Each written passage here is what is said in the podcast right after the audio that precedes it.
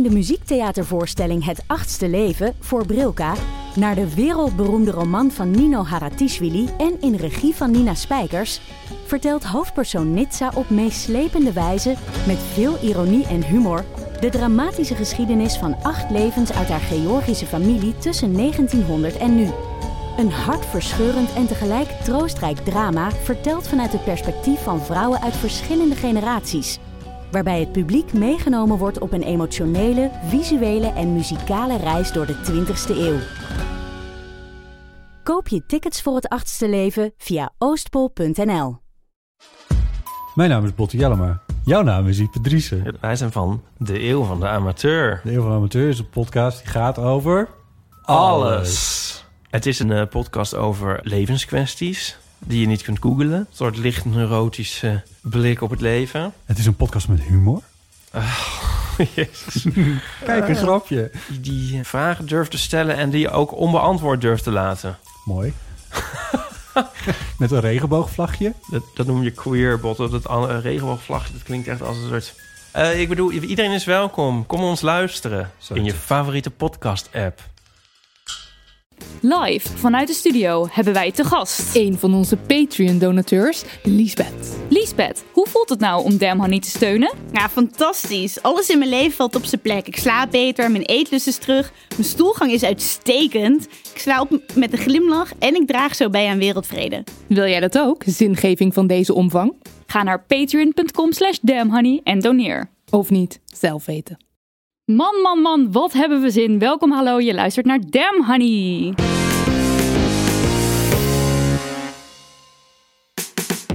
De podcast over shit waar je als man van deze tijd mee moet dealen. Mijn naam is Nidia. En ik ben Marilotte. En dit is aflevering 26 en we bestaan een jaar. Dit is een heel dit is een jubileumaflevering. We bestaan gewoon een jaar. Uh, feest. we begonnen een jaar geleden met een aflevering met een man, Mark Bergsma.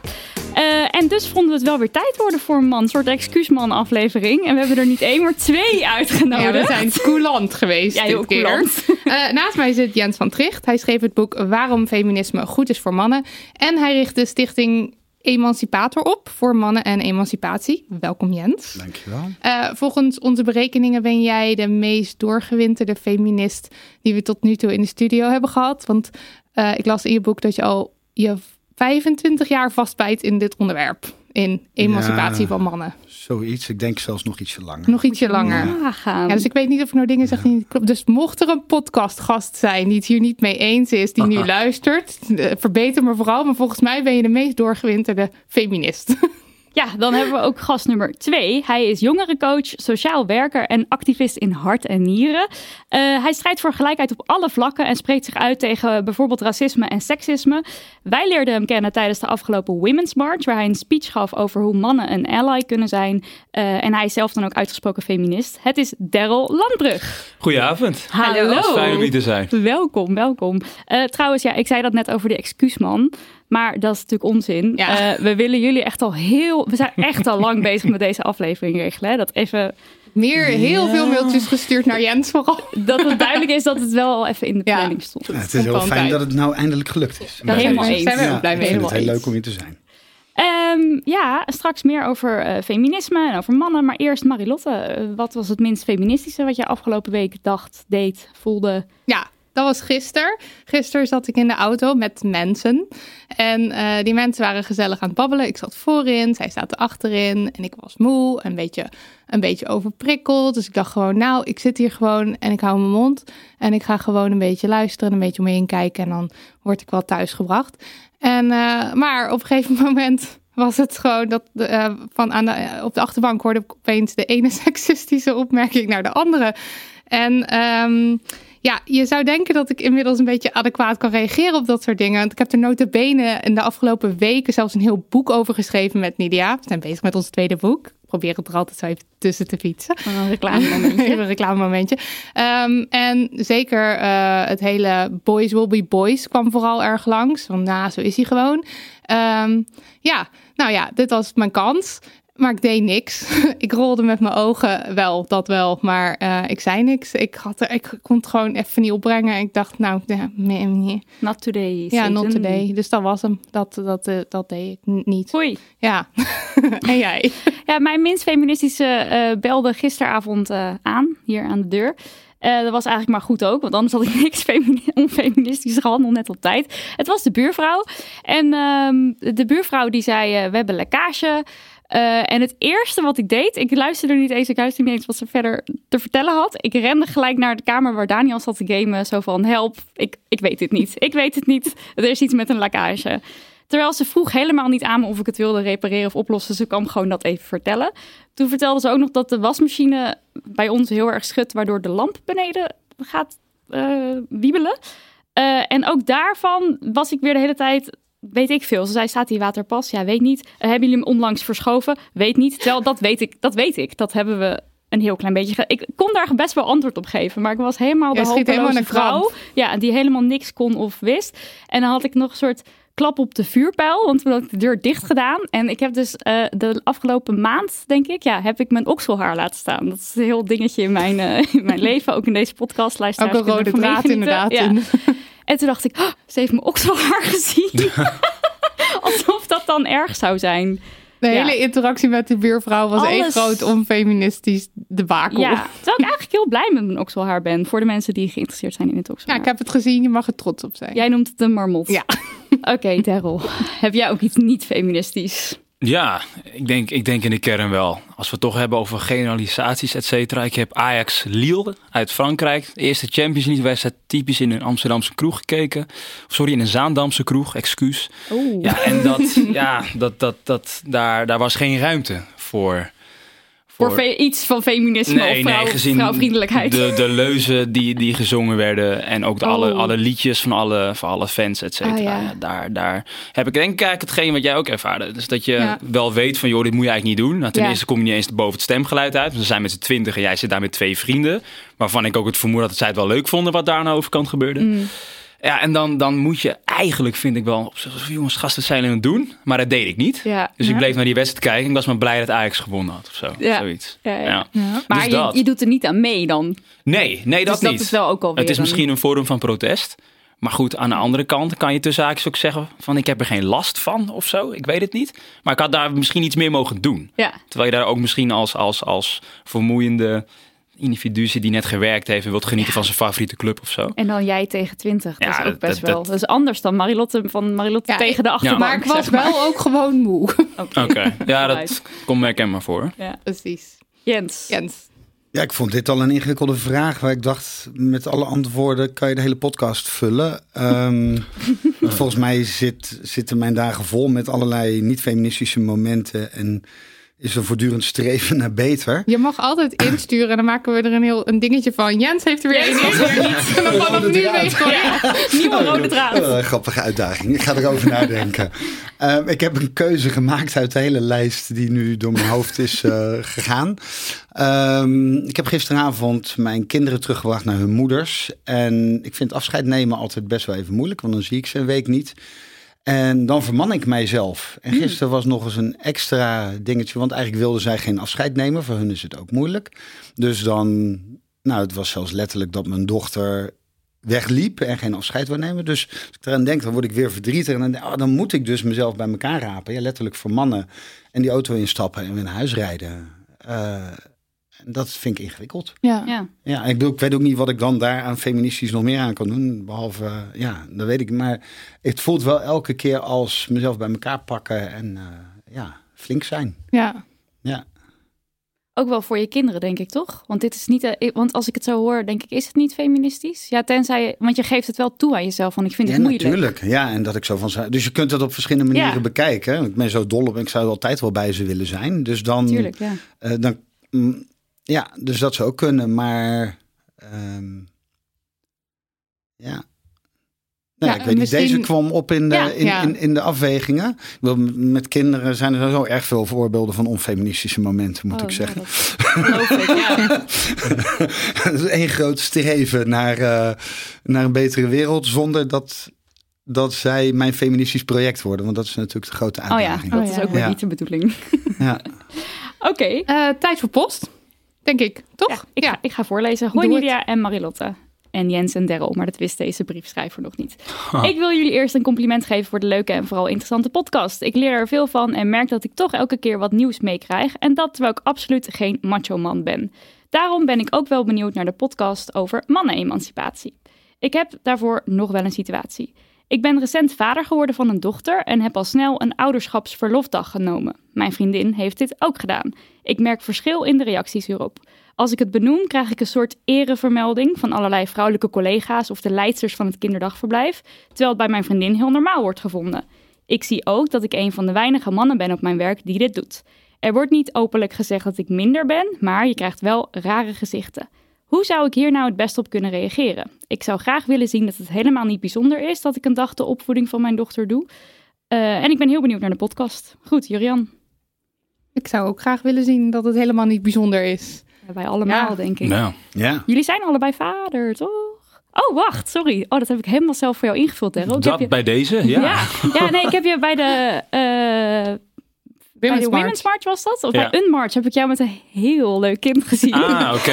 Ik dat heb een vermoeden wie misschien- het is. Ja, maar dat is niet jouw kind. Oké, excuses dat ik dat zo ingevuld die, heb. kom- die is al vrij activistisch van jonge leeftijd. ja, maar dat die gaat met cool. haar moeder mee. Oké, En ja. daar heb ik gewoon een goede band mee. ja, Ja, die, die hangt wel eens aan je schouder. tof. Dan, ja, leuk.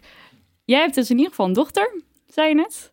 Ja, ik wil ze eigenlijk al niet in die hokjes stoppen, Ja, dat- maar inderdaad ja. heb ik nu al gedaan. Ja. Dus zeg maar, volgens deze samenleving heb ik een dochter en een zoon. Twee kinderen, ja. Eh, zij is vier, hij is twee. En ik heb nog een bonuszoon van 19, waar ik de afgelopen tien jaar bonusvader voor ben.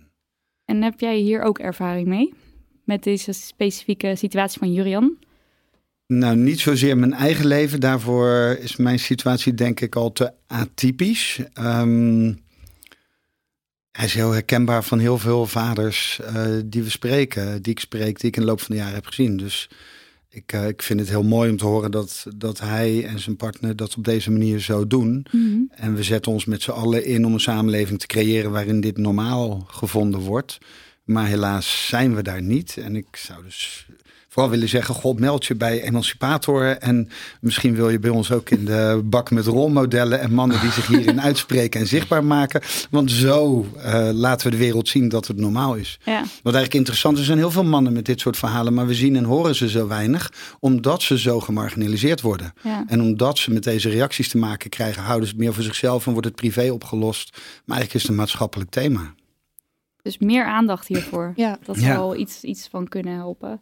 Ja, en hoe zou die hier het best op re- kunnen reageren als hij weer een rare blik krijgt? Altijd maar toch gewoon zeggen, sorry, Hoezo? maar dat is normaal. Ja, Het is mijn kind. het nieuwe normaal. Nieuwe normaal.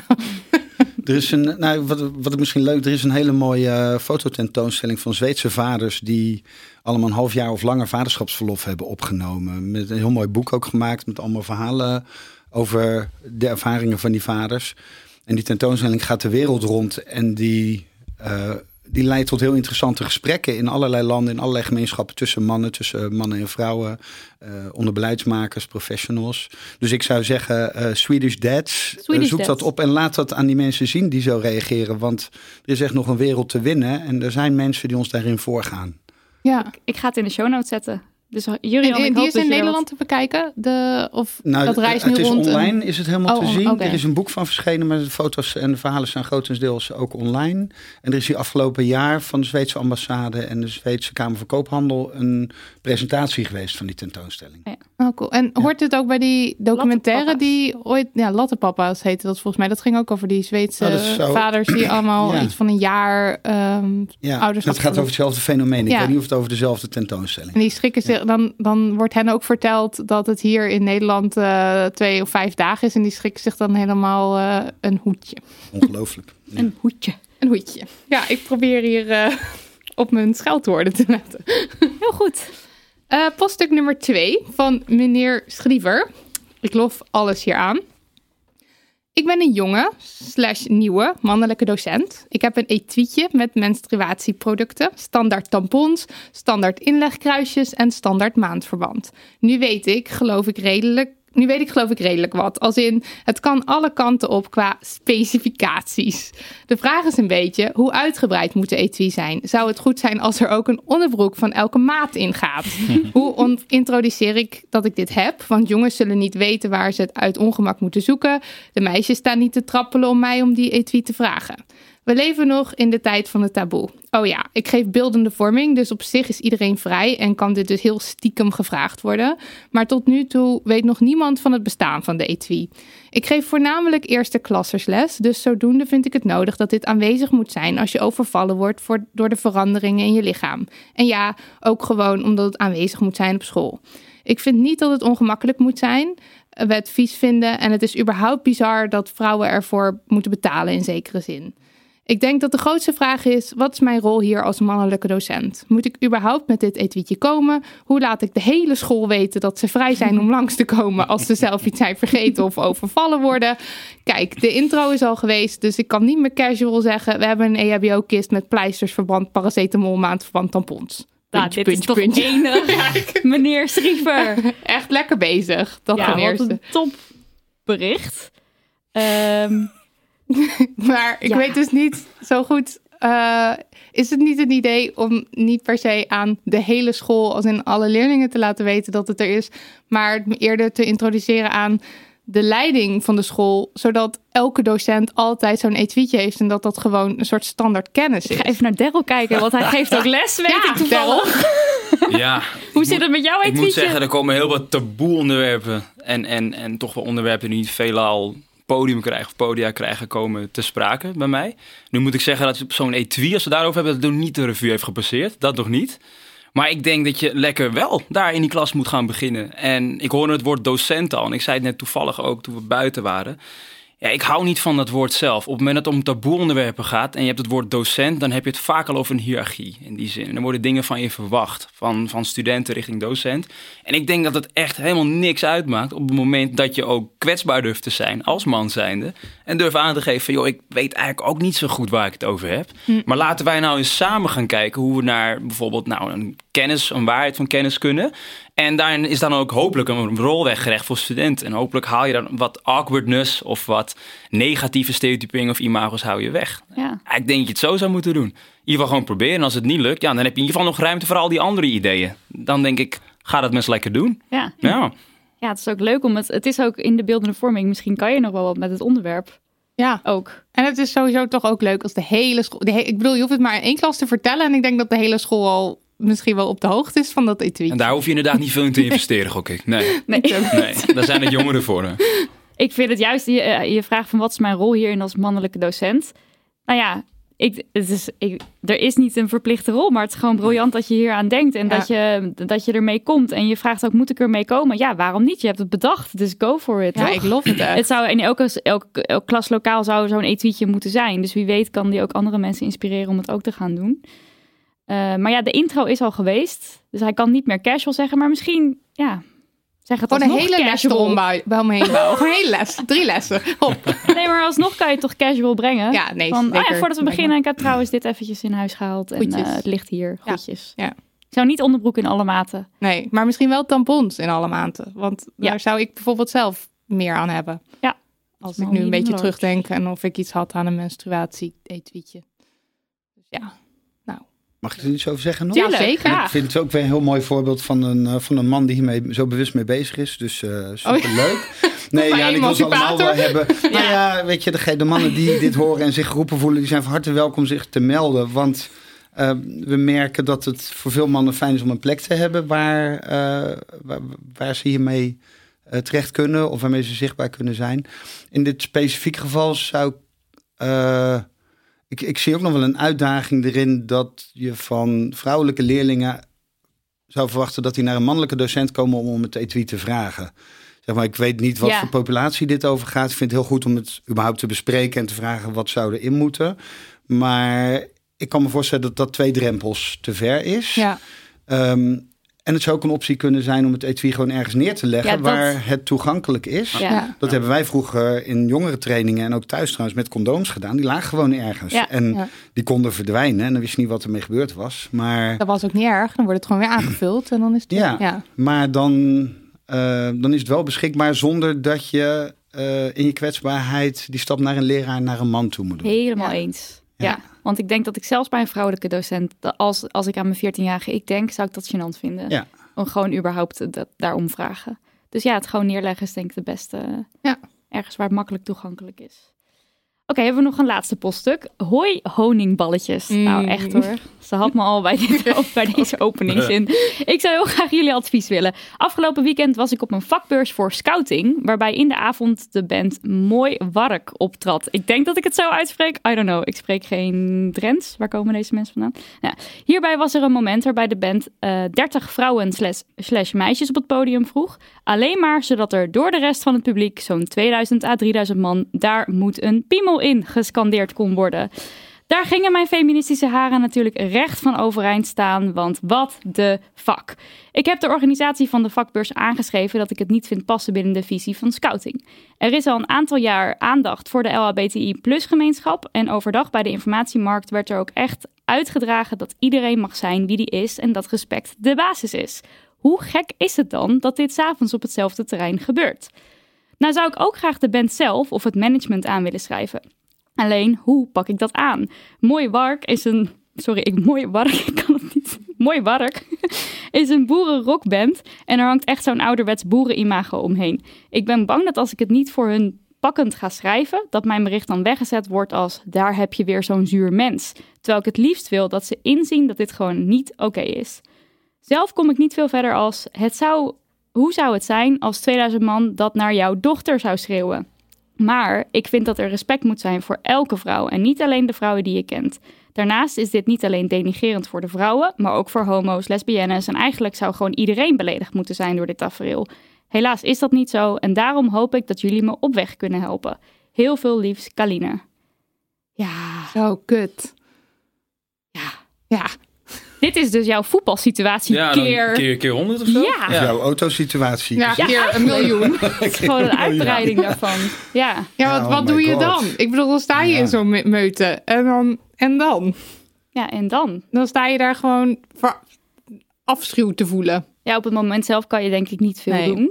Ik zou, als ik zelf het podium op was gegaan, meteen het podium weer afgaan. Maar ja, dat, ja, zij stond zelf ook niet op het podium, geloof ik. Daar heb je gewoon iets voor aan. Maar eh, in de brief naar de band of naar het management, eh, ik denk dat ze daar zeker wel een punt heeft met dat ze weggezet gaat worden als, eh, haha, wat een zeur, hihi, die gaan we op het, op, boven het bureau hangen. We hebben er weer eentje op de kast. Ja, en dan? Want ja, wie? ja. ik weet het ook niet. Ja, daar bereik je dus niks mee. Ja, als ik dit zo hoor, maar ik ken die band niet, maar daar verwacht ik dan niet zo heel veel van. Dit klinkt als hun verdienmodel. Eh is- genoeg. Eh, ik verwacht eigenlijk dat, dat er tussen die 2000 mannen in die zaal een heleboel mannen zijn die zich hier ook niet zomaar gemakkelijk mee voelen en zich daar beschaamd over voelen. Maar die in die context totaal geen ruimte hebben om zich daarover uit te spreken of zich ervan te distancieren. Dus daar, dat is waar, waar ik denk dat het interessant is om te zoeken naar ruimte en verandering. Maar jeetje, wat hebben we nog een lange weg te gaan. Ja, En dan ja. inderdaad naar scouting denk ik, ja, dit kan. Dat, dat, bedoel, we hebben jonge mannen die geven, geven workshops over het voorkomen van, eh, van seksueel geweld en seksuele intimidatie. Eh, we komen graag bij scouting een keer langs eh, met zo'n workshop. Dat is in ieder geval een Ja. heel goed idee. En het lijkt me sowieso interessant om met Scouting Nederland een keer te praten over hoe ze kunnen bijdragen aan het doorbreken van dit soort patronen. In plaats van hoe ze dat kunnen versterken. Ja. Dat, eh, ja. We zijn ook met eh, Stichting Plattelandsjongeren Nederland in gesprek om eh, met een project over dit soort thema's het land in te gaan. Dus wie weet zit daar een, een link. En je zou eigenlijk willen dat iemand van de organisatie van die scouting dat podium opgaat en zegt van oké, maar dit gaan we dus niet doen hier. Ja. Dat zoiets had, had fijn geweest, want dan maak je ook een statement. Ja. Want het deed mij ook ergens aan denken, namelijk aan het volgende. Tof sausje. Ja, het toffe sausje. Het is een concept wat we heel lang geleden geïntroduceerd hebben. Echt heel En het lang is, geleden. Het is eh, seksisme verpakt met een tof sausje. Dus je Ja. staat op een concert en je kijkt misschien wel een beetje op naar de mensen die daar op het podium staan. En vervolgens komt dit en doet iedereen gezellig en leuk mee. Of in ieder geval veel mensen, waardoor ook weer mensen die zich er ongemakkelijk bij voelen alsnog meedoen. En dan Want denk het is je, groepsdruk. oh, dit is leuk. En dan denk je, dit is leuk, dit is lachen. Maar sowieso dat hele dat boeren-imago, dat, dat, dat, dat hele boeren-imago is dan dus een soort tof Is gebaseerd, hier. ja. wat je net zei, het is een verdienmodel waarschijnlijk, dat seksistische en dat... eh, ja. Ja, maar ik denk dus dat het. eh, ik denk dat het zo ingewikkeld in elkaar is. Ik denk dat. eh, En ik, ik, laat, ik ben, laat ik zeggen, ik ben op zoek naar positieve mogelijkheden. Want anders word ik heel verdrietig Ja. en treurig. En Snap eigenlijk ik. een beetje behoorlijk depressief van dit soort dingen in de wereld. Want er is eigenlijk nou, echt veel te veel van. Maar tegelijkertijd, mijn, mijn eigen ervaring en de verhalen van zoveel mannen in al die jaren. eh, denk ik dat wat er ook gebeurt tussen die jongens en die mannen die daar staan. Op het moment dat je daar dus aan meedoet of je niet uitspreekt, word je medeplichtig. En dan word je eigenlijk medeschuldig. Terwijl je tegelijkertijd een fantasie van onschuld en rechtvaardigheid handhaaft. Hè, Gloria Wekker heeft het over die witte onschuld. Maar dit geldt natuurlijk ook voor mannelijke onschuld. Duidelijk. Dus dan wordt het daarna gebagatelliseerd. Want maar grapje bedoel het niet zo. Ik heb toch respect voor Precies, vrouwen. ja. Mijn Ja. zus, mijn, Mijn is een mijn vrouw. ja, dat dat- classic, ja. Dus, maar ik denk dat het zo ingewikkeld in elkaar zit dat mannen dan dus daarna het heel moeilijk vinden om nog een oordeel uit te spreken. Want ze zijn eigenlijk al medeplichtig. Ze zijn tot die groep gaan behoren. En nou ja, dat is wat we met de emancipator proberen. Daarom doe ik ook steeds die oproep van de mannen die zich uitspreken en zichtbaar maken. Verbind je met elkaar, met ons of met vrouwenorganisaties of wat dan ook. Maar wees zichtbaar en spreek je uit.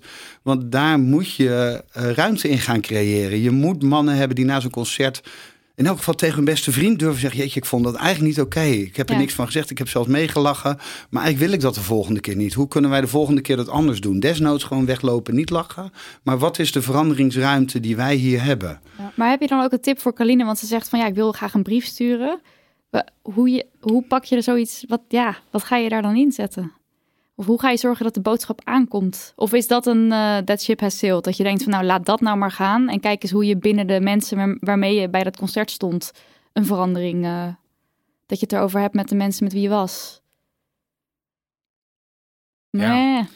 Ja, ik denk dat, dat er sowieso niet één oplossing is. Het wordt hier ook gezegd aan tafel dat dat echt een multiproblematiek is. Ja, En ja, ik ben zelf van op het moment dat mensen niet willen luisteren, gaat maar voelen ook. Dan gaan we extern gaan we gewoon impact proberen te verwerven. Door mensen met invloed of met macht of wat dan ook. Macht is dan even het verkeerde woord hier.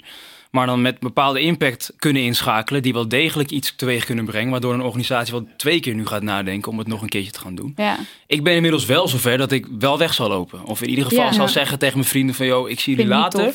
Of dat je hier aan meedoet tegelijkertijd. En dan achteraf gaan we waarschijnlijk weer horen van... ja, dat was toch eigenlijk helemaal niet. Wat zegt dat dan over ons? Weet je, als groep, maar ook als individu.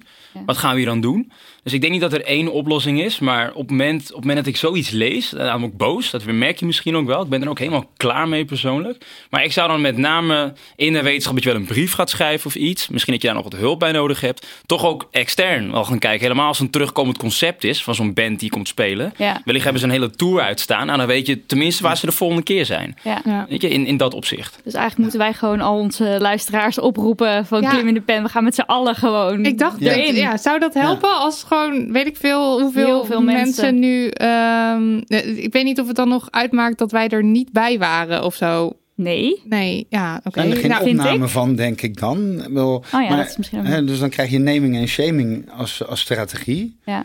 En ja, nou, ik doe wel mee hoor. ja. Ja, ik schrijf wel een Ja. briefje. Nou, laten we een conceptbrief online zetten. Ja, en dan kan iedereen meedoen en dan eh, worden ze over, overspoeld door de brieven van honingballen. Maar Kalien, goed dat je in ieder geval al de scouting eh, al een berichtje had Heel gestuurd. goed. We moeten het even hebben over mannen en feminisme. Want man, man, man. Hoeveel punch, punchgrappen kan je eigenlijk in één podcast doen? Eh, wat denken veel mensen nog altijd dat feminisme alleen iets is voor vrouwen? Jij hebt hier volgens mij een goede anekdote over, Marilotte. Ja, De anekdote eh, van Marilotte en de taxichauffeur. En de taxichauffeur. Ehm, ik stapte een tijdje geleden in een Uber. En ehm, eh, de chauffeur die vroeg aan mij, was een beetje praatje aan het maken. En die vroeg aan mij, wat doe je dan voor werk? En ik, het was een beetje zo'n mannetje. Dus ik dacht, nou, ik ga gewoon zeggen dat ik fulltime feminist ben. En dat is dan mijn werk. En toen zat hij al een soort van heel ongelovig te kijken. En kan je daar geld mee verdienen en wat? En hoe komen we daar? Nou, en toen vroeg ik daarna aan hem, ben je ook feminist? En toen was hij eerst even helemaal sprakeloos. En daarna maakte hij zo'n beweging van, van lang haar. En toen zei hij, ik zie het voor je. dus hij dacht dat hij vrouw moest zijn om feminist te zijn. Nu heb ik hier wel natuurlijk twee mensen met lange haren. Dus misschien klopt het wel. Eigenlijk misschien. Dat als hij zei, ik heb lange haren. Kan je jezelf alleen feminist noemen als je, lange haar hebt? Maar hopen we niet. Nee, laten we Ehm, dat, dat, dat idee for once and for all de wereld uithelpen. Maar deze man, man keek me echt...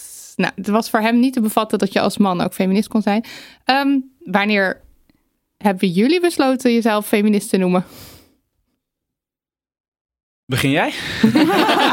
Long, long lang. time ago. Ik, eh, eh, ik plaats dat in 1990, dus inderdaad eh, bijna 30 jaar geleden. Toen woonde ik met eh, vier vrouwen en één andere man in een kerkpand, in een woongroep. En dan hadden we van 's ochtends vroeg tot 's avonds laat discussies over man-vrouw verhoudingen, feminisme, geweld, mannendominantie, seksisme. Hebben we geprobeerd om rolpatronen te veranderen en te doorbreken. En eh, heb ik mijn eerste mannengroepen daar in dat kraakpand ook meegemaakt. En weet ik, begon ik lijvige boeken over seksisme door de eeuwen heen en over de hele wereld te lezen. En ja, toen, toen vielen er een heleboel kwartjes. En toen dacht jij, het is zover. Ik ben... Nou ja, toen dacht ik, dit klopt voor mij. We waren Ja. eh, als activisten bezig met strijd tegen alle onrechten in de wereld. Eh, en we probeerden een betere wereld vorm te geven. En toen kreeg ik een theorie van analysekader aangereikt. Dat liet zien dat eigenlijk al die problemen, heel kort door de bocht, door mannen veroorzaakt worden. En dat mannen ervan profiteren. En dat als we een betere wereld wilden organiseren of creëren, ook daar in die ruimte, in die bevrijde ruimte van zo'n kraakpand, dat we onszelf daarin meenemen. Dat we dus met onze socialisatie aan de gang moeten gaan, moesten gaan.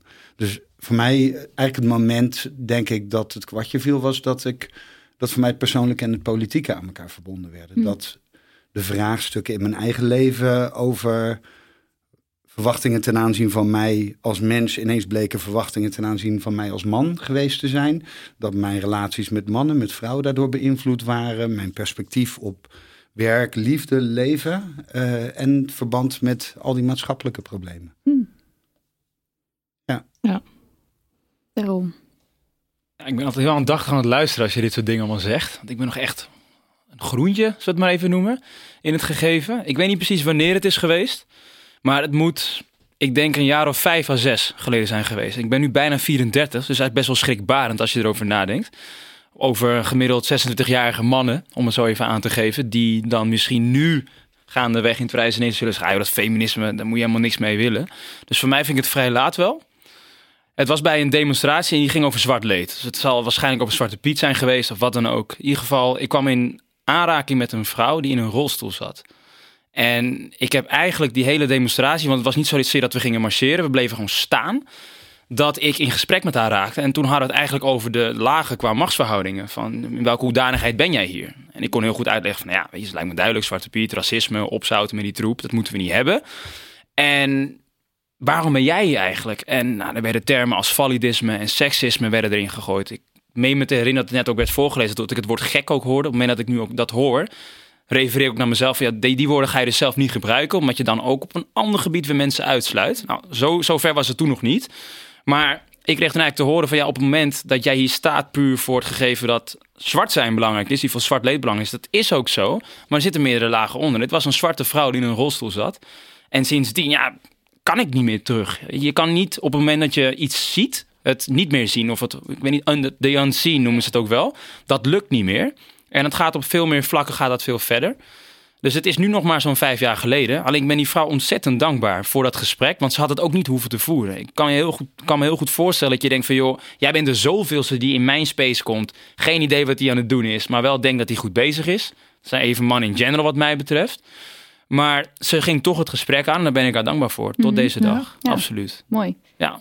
Nou horen wij heel vaak van, als we het hebben over feminisme van mannen, eh, dat er, de- er komt er dan meteen een soort, ehm, ja, hoe leg ik dat uit? Alsof ze zich heel aangevallen voelen. De, alsof we echt het allerergste, dat we alle mannen haten, zo lijkt het een beetje, als we het over feminisme hebben. Ja, er komt gelijk zo'n hele verdedigende houding. En je merkt gewoon dat op het moment dat je een gesprek aan het voeren bent, ook dat ze je ergens op proberen te pakken of zo. En dan kan ik Ja, niet zo goed duiden waar, dat, waar het dan in zit. Maar het is, he- het is meteen een heel aanvallend, aanvallend dingetje. Wat er dan gebeurt op het moment dat je dus zegt dat je. Ik weet ook altijd dat als ik uitspreek, bijvoorbeeld bij de Uberchauffeur, dat ik feminist ben, dan sta ik al een soort van schrap. Want dan weet Ja. ik al, ik moet er wel echt zin in hebben of zo, anders Mhm. zou ik het niet zeggen. En waar komt dat vandaan? Want ik snap het ook niet. Ja, ik snap het wel, maar ik vind het ook raar. Hebben jullie een, een idee? Ja, Waarom toch die haat? die haat. Ja. Nou, in de kern, ik hoef niet eens denk ik wetenschappelijk hier te zijn in die zin, maar het is, voor velen is het gewoon angst, denk ik, om dingen te verliezen. In de wetenschap dat je denkt dat je, nou ja, dat je dingen moet inleveren ten opzichte van vrouwen. Is ook een gegeven hoor, vind ik. Alleen, wat precies? Wat zou je dan moeten inleveren? Als je die vraag vaak stelt van, joh, waar ben je eigenlijk bang voor? Waarom ben je zo vijandig? Ja, omdat het niet nodig is, hoor je vaak, we zijn toch al gelijk en, en waarom moet dit nou zo? Het is meer van, je bent iets gewend en dat heeft, ja, dat heeft gewoon heel veel redenen, die ik soms ook zelf niet kan verklaren. Maar op het moment dat je aan mij vraagt bijvoorbeeld van, joh, geef eens een nadeel om een heteroseksuele cisman te zijn in deze wereld. Een nadeel, nou dan kan ik alleen op het zwarte gedeelte wat zeggen, vind ik persoonlijk. Maar op het, op het, op het gegeven zelf, niet zoveel. En op het moment dat ik die vragen stel, ook aan de jongens waar ik mee werk, ja, dan worden het lange sessies met heel veel stiltes.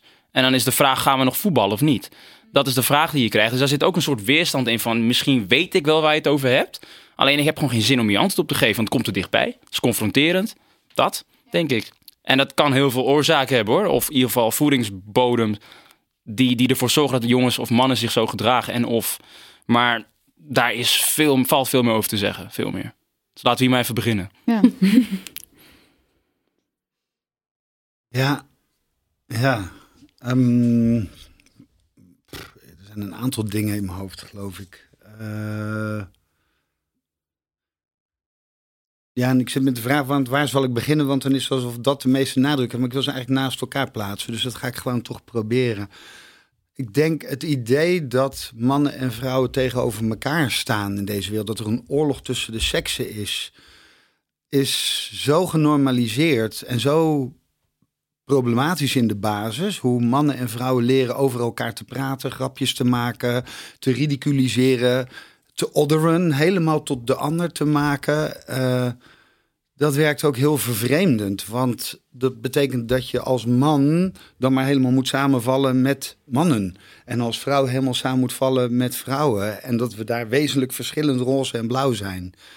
Dus ik denk dat daar op persoonlijk niveau al, nee, op maatschappelijk sociaal niveau gebeurt daar iets wat heel problematisch is. Dat wordt dan gevoed met het beeld dat mannen dus niet vrouwelijk mogen zijn en vrouwen eigenlijk niet mannelijk. Ehm, maar voor mannen is vrouwelijk zijn nog een stuk gevaarlijker dan het voor vrouwen is om mannelijk te Ja, zijn. ja. Zeg maar. Want mannelijkheid wordt hoger gewaardeerd in deze samenleving. Dus ook al word je gestraft voor het buiten de lijntjes kleuren, er zit ook een soort beloning aan vast. Want je kunt status, autonomie, competitie, weet ik het, eh, mannelijke domeinen betreden. Maar voor mannen, les 1 is echt, je mag niet vrouwelijk zijn. En feminisme zegt ergens juist, god, maar mannen zijn gewoon mensen eh, en hebben ook vrouwelijke eigenschappen. En we moeten die vrouwelijke eigenschappen in alle mensen ook nog herwaarderen. Dus wat aan de ene kant een soort bevrijding zou kunnen zijn voor mannen, is aan de andere kant een enorme bedreiging. Want eigenlijk zegt het. Ja, maar mannen, jullie zijn vrouwelijk. En mannen eh, leren de hele, hun hele leven zeggen: wij zijn niet vrouwelijk. Ja, ja, ja. Wij zijn juist echte mannen. Ehm, en dat is waar fragiele mannelijkheid en giftige mannelijkheid eigenlijk ook in mekaars verlengde liggen. Want mannelijkheid, zoals die in deze, deze samenleving wordt ingevuld, is eigenlijk zo kwetsbaar, zo fragiel. Het moet steeds bewezen worden en het kan altijd van je afgepakt worden. Iedereen kan jou uitmaken voor een mietje. En dan ben je dus geen echte man en dan delf je het onderspit. Want we weten hoe deze samenleving met mietjes en vrouwen en vrouwelijke mensen omgaat. Of met niet-mannelijke mensen. Dus mannen moeten voortdurend bewijzen dat ze maar echte mannen zijn. Daarin gaan ze hun zogenaamde mannelijke eigenschappen overdrijven, overdreven inzetten. Want ze mogen niet vrouwelijk zijn. Er mag geen twijfel over bestaan dat ze wel echt mannelijk zijn. En dan komt er feminisme en dat zegt: ja, maar wij geloven dat jullie gewoon mensen zijn. En dat je wel die vrouwelijke eigenschappen hebt. En bovendien vinden we dat jij ook nog die menselijke eigenschappen gelijk zou moeten waarderen in ons, maar ook in jezelf en in andere mannen. Oh ja, en dan komt er ook nog dat schuldgevoel bij kijken, want iedereen is medeplichtig. Ja. Mannen hebben dat, veel vrouwen hebben dat natuurlijk ook. Iedereen draait mee in een ontzettend patriarchaal seksistisch systeem. Dus iedereen is daardoor beschadigd, persoonlijk. Maar iedereen is ook medeplichtig. En het is ontzettend ingewikkeld om daar verantwoordelijkheid voor te nemen, to own it. Ja. Dus ja, ik, het is, ik snap wel dat het heel ingewikkeld is. Maar ik denk tegelijkertijd, lieve mannen, het is een gelopen race. Het gaat niet anders meer zijn. Jullie mogen verder evolueren. Man zijn hoeft, ja, man zijn mag nog steeds, maar mannelijk zijn, dat mag je nu aanvullen met menselijk zijn. ja.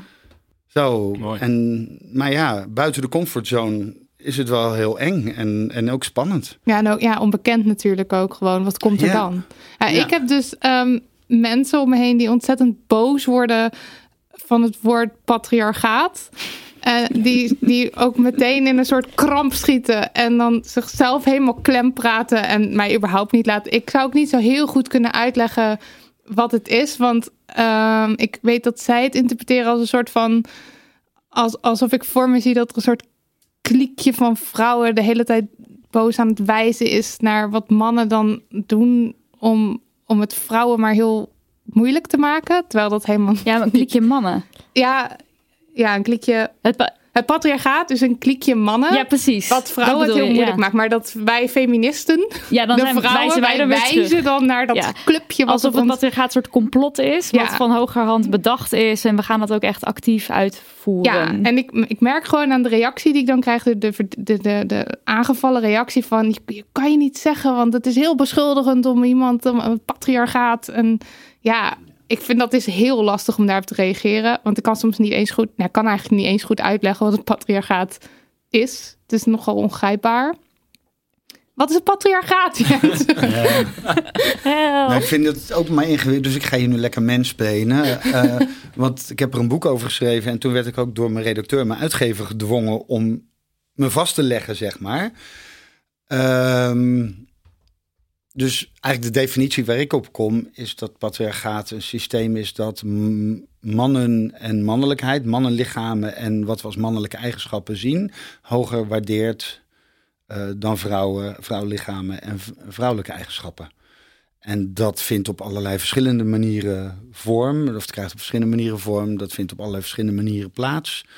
Ehm, maar dat is een systeem dat je over de hele wereld tegenkomt. En waar vrouwen net zo goed in gevangen zitten en aan meedoen als mannen. Maar waarin mannen gemiddeld genomen wel de bovenliggende partij zijn.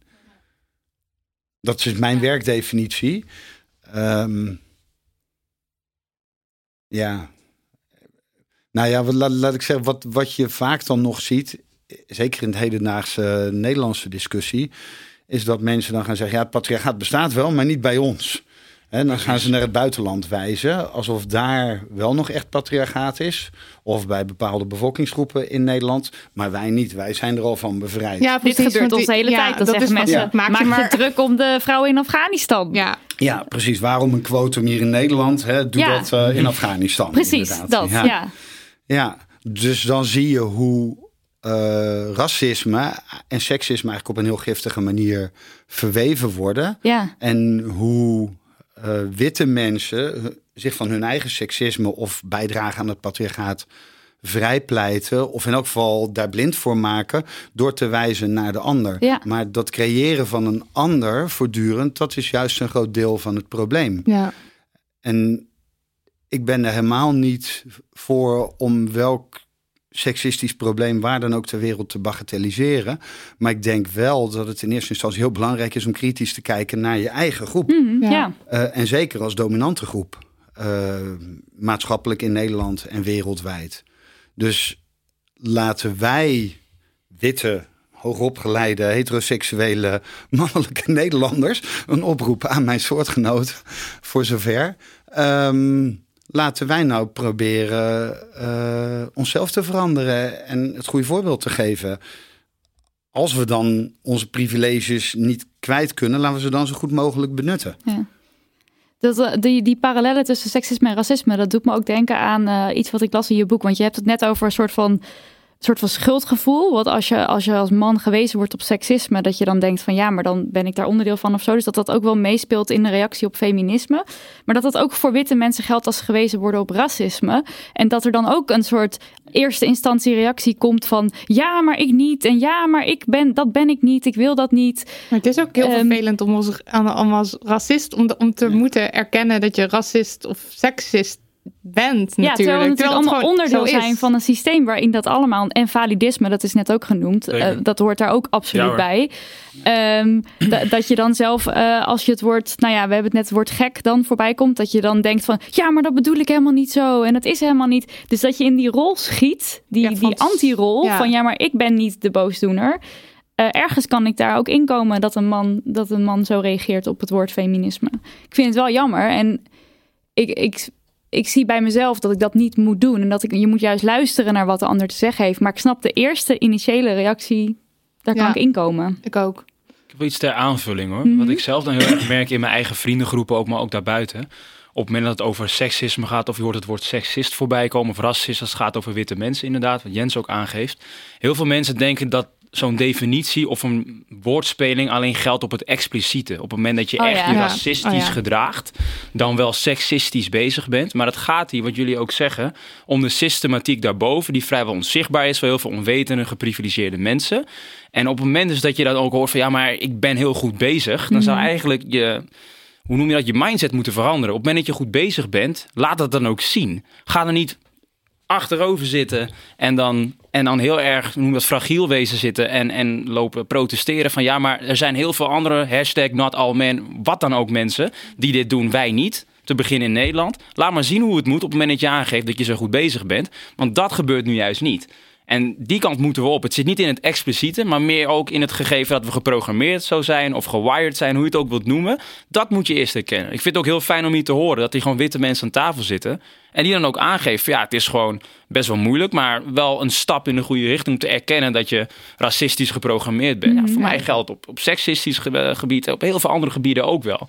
En daar moeten we denk ik meer heen. En hoe je dat doet, weet ik niet precies. Maar het is niet alleen het expliciete. Het gaat juist om dat gegeven dat het hier gewoon hangt in het onbewuste. En dat je daar echt van naar mag handelen in die zin dat je mag aangeven of mag nou ja, toegeven van joh, het is gewoon zo. Geef eens even het goede voorbeeld. Ja, en dat je dan die ally-positie in ja, kan ik vind nemen. het woord ally soms ook moeilijk hoor. Oké. Maar dat heeft dan weer met heel veel andere dingen te maken. Ik noem mezelf meer een servant in dat opzicht. Omdat ik me dan liever onderschik aan. Omdat de Hmm. vrouw in kwestie, in dit geval als het over seksisme gaat, die weten veel beter joh. Die kunnen dat veel beter invullen. Dan wel ervaren het en ik niet. En ik kom een beetje interessant doen dan met mijn allyship. Ga eerst maar eens luisteren. En kijken en, en leren voordat je een poot uitsteekt. Of een hand of wat dan ook. Ja. Ja. Mooi gezegd. Ja. Over het patriarchaat, want we hadden de term kwam net al, maar er, er is een prijs die mannen daarvoor moeten betalen. Want laten we dan nu naar de, naar de mannenkant gaan. Oké. Ehm, ik, heb, ik heb Jens in jouw boek. Ik heb een hele, hele shitload aan, aan shit waar je als man van deze tijd mee moet leren, eh, moet dealen, heb ik gevonden. Eh Marilot, kan jij even wat voorlezen daarvan? Ik vraag het aan jou, want ik zie het even niet voor me staan. Maar, ehm, oh, jij ook niet? eh, nee, ja, nee, ik denk het wel. Als in de manbox, bedoel jij toch? Nou, ook. Ja, de manbox. En giftige mannelijkheid heb ik hier staan. Ehm, niet huilen, want dat is zwak. Stoerder voordoen. Eh, eh, eh, vooral in de kast blijven zitten. Dat je niet uit de kast mag komen, want dan ben je een, een mietje. Ehm, je hebt gewoon zo erg te voldoen aan een bepaald beeld. Dat je, ja, je zei het eigenlijk net al. Dat je een soort van. je daar zo krampachtig aan gaat vasthouden, omdat het je anders afgepakt wordt. Eh, Ik heb, het, ik heb het hier gevonden. Mannen zoeken geen hulp. Mannen lopen door met problemen. Zorgmeiders. ehm, problemen waar mannen mee kampen. Depressie, alcoholmisbruik, drugsverslaving, overmatig gamen. Problemen met seksualiteit, geweld, eenzaamheid, hartklachten, overgewicht. En in de hulpverlening is het dan blijkbaar een bekend gegeven... dat eh, daar eigenlijk pas achter gekomen wordt... op het moment dat het echt al ver in eh, de verkeerde kant op eh, gaan zit. Dat was eigenlijk het rijtje wat ik bedoelde. Ik heb die niet hier staan. Sorry. ik, heb hem- ik had hem ergens anders in een ander documentje staan. Maar dat is een behoorlijke prijs, wel, die betaald wordt. Ja, eh, ik denk het wel. Eh, ik ben eigenlijk heel benieuwd wat jij ervan zegt. Want jij zei, zo, zegt ze ook, zijn volgens mij nadrukkelijk, Daryl, dat, ehm, dat jij eigenlijk seksisme verder niet ervaart. En ik denk dat, dit heel, dat er heel veel seksisme is dat je als man ervaart. Eh, in deze samenleving. En dat jou beperkt in je mens zijn. En daarmee wil ik niet zeggen dat dat symmetrisch is met de beperkingen die vrouwen meemaken. Maar dat is wel eh, ook negatieve shit die je over je heen krijgt van hetzelfde patriarchale systeem. Helder. Als Dus, in... Herken je dat? Nou, ik ja, denk dat ik daar nog helemaal niet in goed genoeg in gelezen ben. Of, of in ieder geval dat ik nog geen dingen heb, op, heb opgezocht of gelezen. Dus dat zou zomaar kunnen hoor. En ik weet wel dat er heel veel dingen zijn die je kan internaliseren. Op het moment dat je ergens gaande bent of, of wilt weten hoe dat nou precies zit. Maar op het moment dat ik over seksisme praat, ook als activist zijnde, heb ik het echt op het gegeven Ja. als het over vrouwen gaat. Maar ik ben meer dan bereid om te lezen en te leren. Op het moment dat je zegt van joh, mannen zijn. Ik ben het wel met je eens hoor, dat die ook slachtoffer zijn van een patriarchaal systeem. Er Het werd is dus een geen heel- reversed sexism. Nee, nee, dat precies. Ik over da- gaat. Die, die dat is, het, die- dat is die de retoriek die ik bedoel. Ja, nee. Dan, dan zitten we daar op één lijn. Maar dat wil ik best wel van je aannemen, absoluut. Want wat bedoel je met reversed sexism? Nou ja, dat is natuurlijk een term die kennen we uit het reversed racism. Ja. Hè, maar reversed, mannen worden nu onderdrukt. Mannen, mo- Mogen geen mannen meer zijn. Ja, mannen mogen geen mannen meer zijn. Arme jongetjes op school. Ja. Vaders worden gediscrimineerd. Je hebt een enorme mannenrechtenbeweging in de wereld. Ja, je had die ook eigenlijk zelfs die sierencampagne. Ja, Ja. dat, eh, Over jongens, jongens. mogen geen jongens meer zijn en Ja. dat moet weer terug. Ja. Ja, Ja. vreselijk. Ja. Van die straight male prides en zo, weet je. Dat Oh, soort dat dingen. ook, ja. dat. Dat, Ja. dat, dat zijn van die resultaten waarvan ik denk van, Ja. waar hebben jullie? En Jordan Ja. Peterson. Ja, ja, ja. Oef. Ja. Laten we Ja. daar Help. even over hebben. Help. Ja. Ja. Nou ja, dat, dat, ja sinds, eh, sinds de documentaire van Sunny Bergman, Man-Made, eh, wil ik daar best over hebben. Ehm, ben heel benieuwd. Hè, heb je hem nog niet? Je hebt hem wel gezien? Ja, nee, wel, tuurlijk, ja. we waren daar. Ja, nee, precies. Ja. Nou, ik vond het zo interessant. Zij, zij ging filmen toen Jordan Peterson in Amsterdam kwam. Ze heeft een aantal van die mannen geïnterviewd die daarop afkwamen. En dat waren jonge mannen die daar eigenlijk heel kwetsbaar stonden te zijn. En niet wisten wat ze met hun leven aan moesten. En zeiden, wij hebben het moeilijk. En hier is eindelijk iemand die dat ziet. En dan denk je, ja, Jordan Peterson, die geeft volgens mij niet de antwoorden waar ze echt wat aan hebben. Ja, ruim je kamer op, schijnt u te zeggen. Dat vind ik Ja, dat is echt, het is echt zo, dat zegt hij. Maar ehm, ik geloof niet dat we terug moeten naar de jaren 50, naar de jaren 20 of nog eerder. om de problemen waar jongens en mannen mee te maken krijgen. serieus op te lossen. Dus, maar ik vond het eigenlijk heel aandoenlijk dat er allemaal jonge mannen stonden. die zeiden: Wij hebben het moeilijk en niemand helpt ons. Help. Eigenlijk dat. Maar hij geeft dus een soort van gewoon een kader. Het is niet een, Ja. een, een, een- het is een schadelijk kader. Ja, maar, maar, wij zouden dus een hij- beter kader moeten bieden voor de mannen met ja, dit ja, soort ja. vragen. Ja, ja. Dat Was zou het- ik een uitdaging Was het bij Delamar Theater? Dat die, Dat was dat volgens die mij bij, eh, bij de universiteit. toch? bij, Ja. eh, Oh, daar. Nee, ik, ben, ik heb voor de Delamar namelijk lopen protesteren. Ja, ja, in ja. hart en In nieren. de stromende regen toen hij kwam. En Ja. ik- ja, ik ga niet generaliseren, maar ik heb heel veel mannen gezien met FVD-sjaaltjes en dat Ja, soort ja, dingen. ja, Ja. ja. Weet je, en dan, dan ben ik blij als je dit zo zegt in dit perspectief van, joh, er moet een ander kader komen. Daar moeten we zeker naar kijken. Ja. Ik ga ze geen gelijk Kan- geven met, Nee, met, nee. met, met deze stroming. Nee, heftig. Maar-. Ehm, ja, maar ik, nou ja, goed, ik weet niet. Ik ben ook een dagje ouder geworden blijkbaar. Maar het waren jonge mannen die Mhm. eerder dicht bij mijn bonuszoon staan. Qua leeftijd in elk geval. Waarvan ik denk, jongens, wat zielig dat jullie het zo moeilijk hebben met het leven. Volgens mij moet je mijn boek lezen. En, Ja, dan en je een aanmelden bij aan perspectief. Emancipator. Nou ja, weet ik het. Maar Oké, eh, op zo'n manier. ga je nou niet ophangen aan dit soort eh, regressieve mannen... die je eigenlijk weer verder in de problemen gaan werken. Want die gaan je zeggen dat je terug moet naar af. Ja. Weet je, sorry, maar daar gaan we het niet mee opschieten. De problemen die jongens en mannen tegenkomen in deze wereld... komen veel meer voort uit traditionele opvattingen over mannelijkheid... dan dat ze voortkomen uit emancipatie en feminisme. En natuurlijk geven emancipatie en feminisme uitdagingen... want het patriarchaat verliest zijn legitimiteit... en die traditionele rollen van provider en protector... eh, kostwinner en beschermer, eh, echte man... Dat staat op losse schroeven. Help. Maar om je dan je hak in het zand te zetten en terug te willen naar een, een, een duister verleden. waar al die problemen juist uit voortkwamen. dan denk ik: sorry, dat. dat dat gaat je niet helpen. Nee. En, en, en hoe komt het nou dat jullie op zo'n dwaalweg raken? Ja, nou ja, dus dan moeten we proberen daar een ander kader aan te bieden. Ja. Dat denk Ja. ik wel. Maar En wat ook in de, in, de, in de documentaire zat, want die link die wil ik dan graag leggen, is dat het rapport van de American Psychologist Association van afgelopen jaar. Amerikaanse psychologenvereniging, die voor het eerst in tientallen jaren met een nieuw rapport met aanbevelingen voor al hun aangesloten psychologen kwam.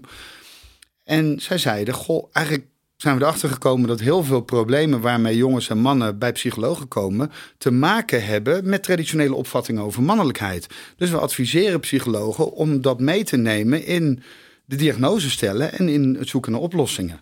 En ik denk dat is revolutionair, maar dat is ook dus in zekere zin een antwoord op de vraag waar dit soort jongens en mannen mee zitten. Dus, Dus ze proberen zo erg te voldoen aan dat, dat, dat hele nauwe, nauwe idee van wat mannelijkheid is, dat ze daarmee in de knoop raken. ja, En dat En nou zich- idee, als we dat even wat, wat meer moeten definiëren, dat is dan stoer zijn. Ja, oh, dat is niet Les vrouwelijk. vrouwelijk. les één Gewoon niet vrouwelijk. niet vrouwelijk. En Ja. hoe dat dan ingevuld wordt, dat kan van groep tot groep verschillen. Maar mijn ervaring is, waar dan ook ter wereld, welke doelgroep dan ook, de definitie is eigenlijk, mannen mogen vooral niet vrouwelijk zijn. Ja, en in het ene geval betekent het heel rationeel en een pak aan en zakelijk. En, dat. en in de andere is het fysiek dominant, agressief, competitief, weet ik het, kostwinner, seksueel actief. We doen eigenlijk in elke activiteit, elke workshop, training, doen we een brainstorm. Waar moet een jongen of man aan voldoen om een echte man gevonden te worden? Er komen al die dingen uit. Maar als je dan verder praat, dan is les 1, ze mogen vooral niet vrouwelijk zijn. Heteronormatieve gedachte, vind ik.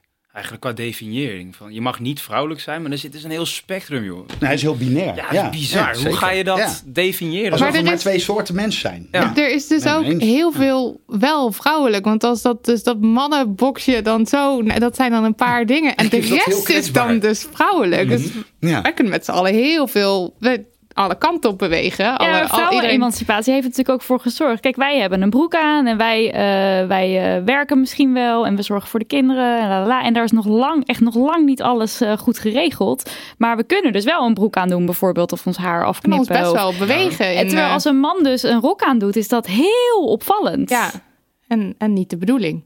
En ook vaak niet de bedoeling bovendien, ja. We hadden een vraag van een luisteraar die zei... welke voorrechten hebben vrouwen waarvan mannen meer moeten hebben? En dan komen we eigenlijk bij waar jij van denkt van... hè, is dat zo? Ehm, maar ik moest bijvoorbeeld denken aan dus je kwetsbaar opstellen. Ja? Zou je nog één kunnen herhalen? Eh, welke voorrechten Ja. hebben vrouwen waarvan mannen meer mogen hebben? Voorrechten. Ja. Dus wat is iets wat, eh, ja, wat een vrouw, waar een vrouw prima mee nou ja, wegkomt, hoe wil je het zeggen? Of zelfs misschien een stempel krijgt en dat is wat jij hoort te zijn. Oké, En ja, waar ik wil man eigenlijk dus niet niet- eens meer in, in dat gedachtegoed denken, eerlijk gezegd. Maar als ik het dan toch mag invullen als man, waar ik gewoon heel erg van kan genieten, dan kom ik even bij mijn vriendin of bij mijn moeder uit of wat dan ook. Het is eigenlijk een, een soort van soft touch gewoon. Op het moment dat ik Ja. ergens mee zit, alsof ze het ruiken gewoon. Van joh, vertel eens, hoe was je dag? Niet, niet hey, hoe was je dag, maar gewoon hoe was je dag? En dat, dat gaat in zoveel lagen, komt er dan zoveel los.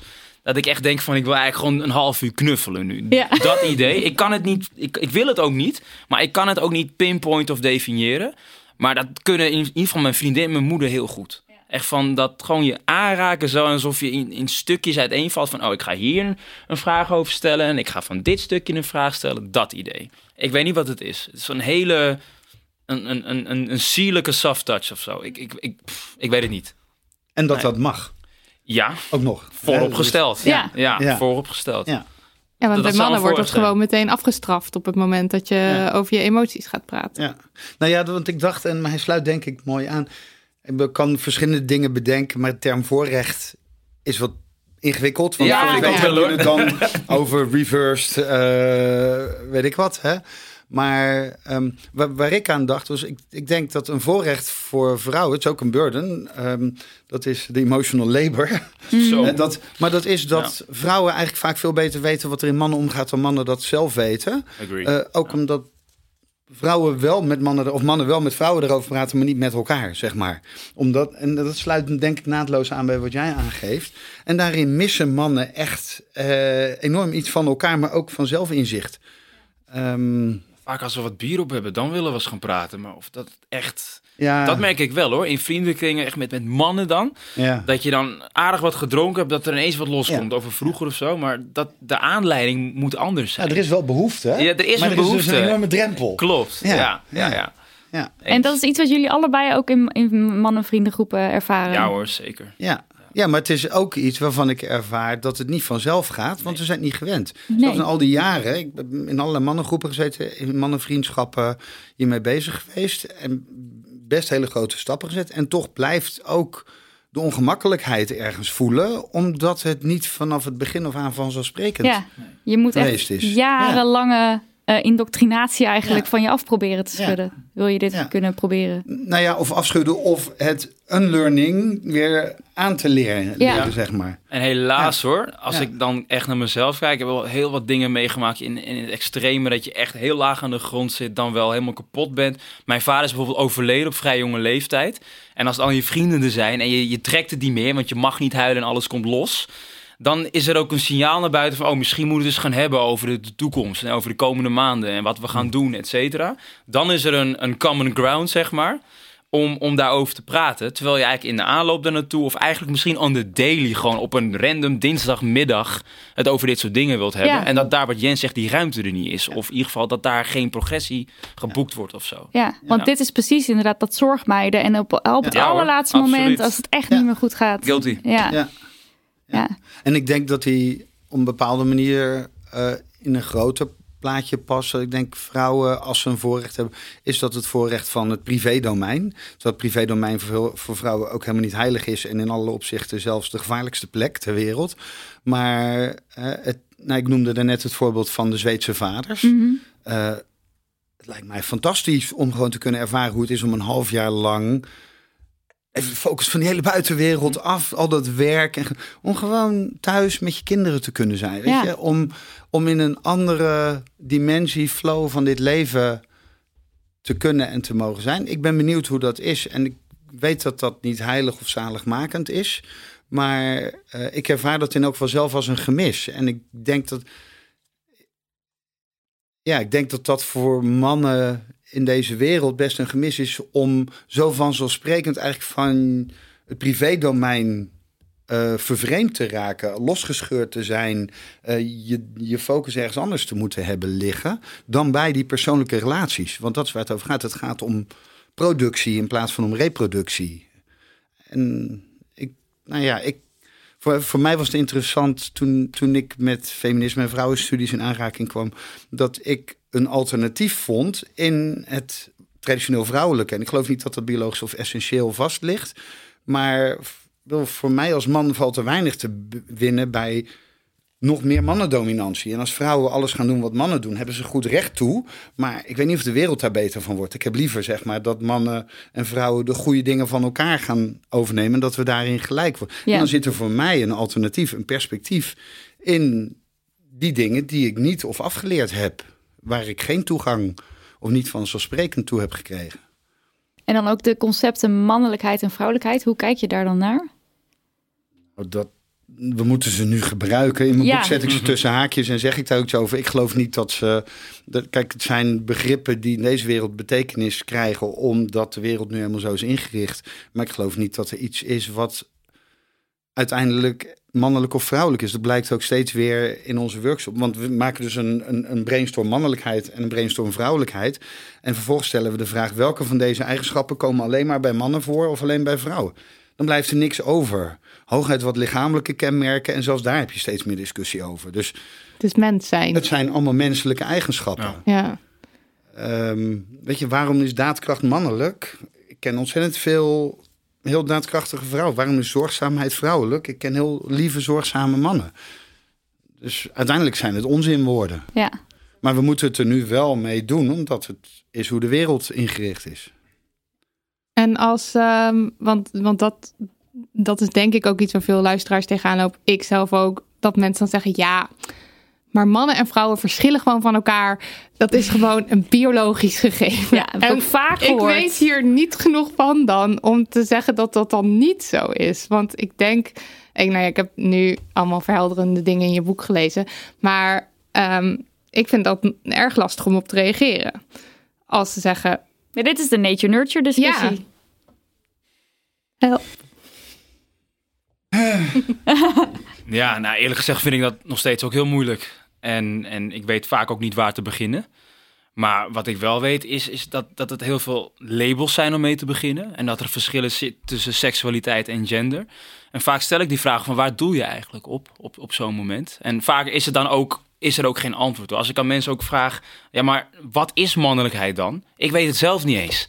Punt. En op het moment dat andere mensen het ook niet weten, dan heb je misschien een ingang om een ander onderwerp te gaan verzinnen. Dan hoef je ook al die antwoorden die je nu niet hebt naar boven te halen. Maar dat is natuurlijk niet de oplossing. Ik vind het persoonlijk heel moeilijk om daar antwoord op te geven.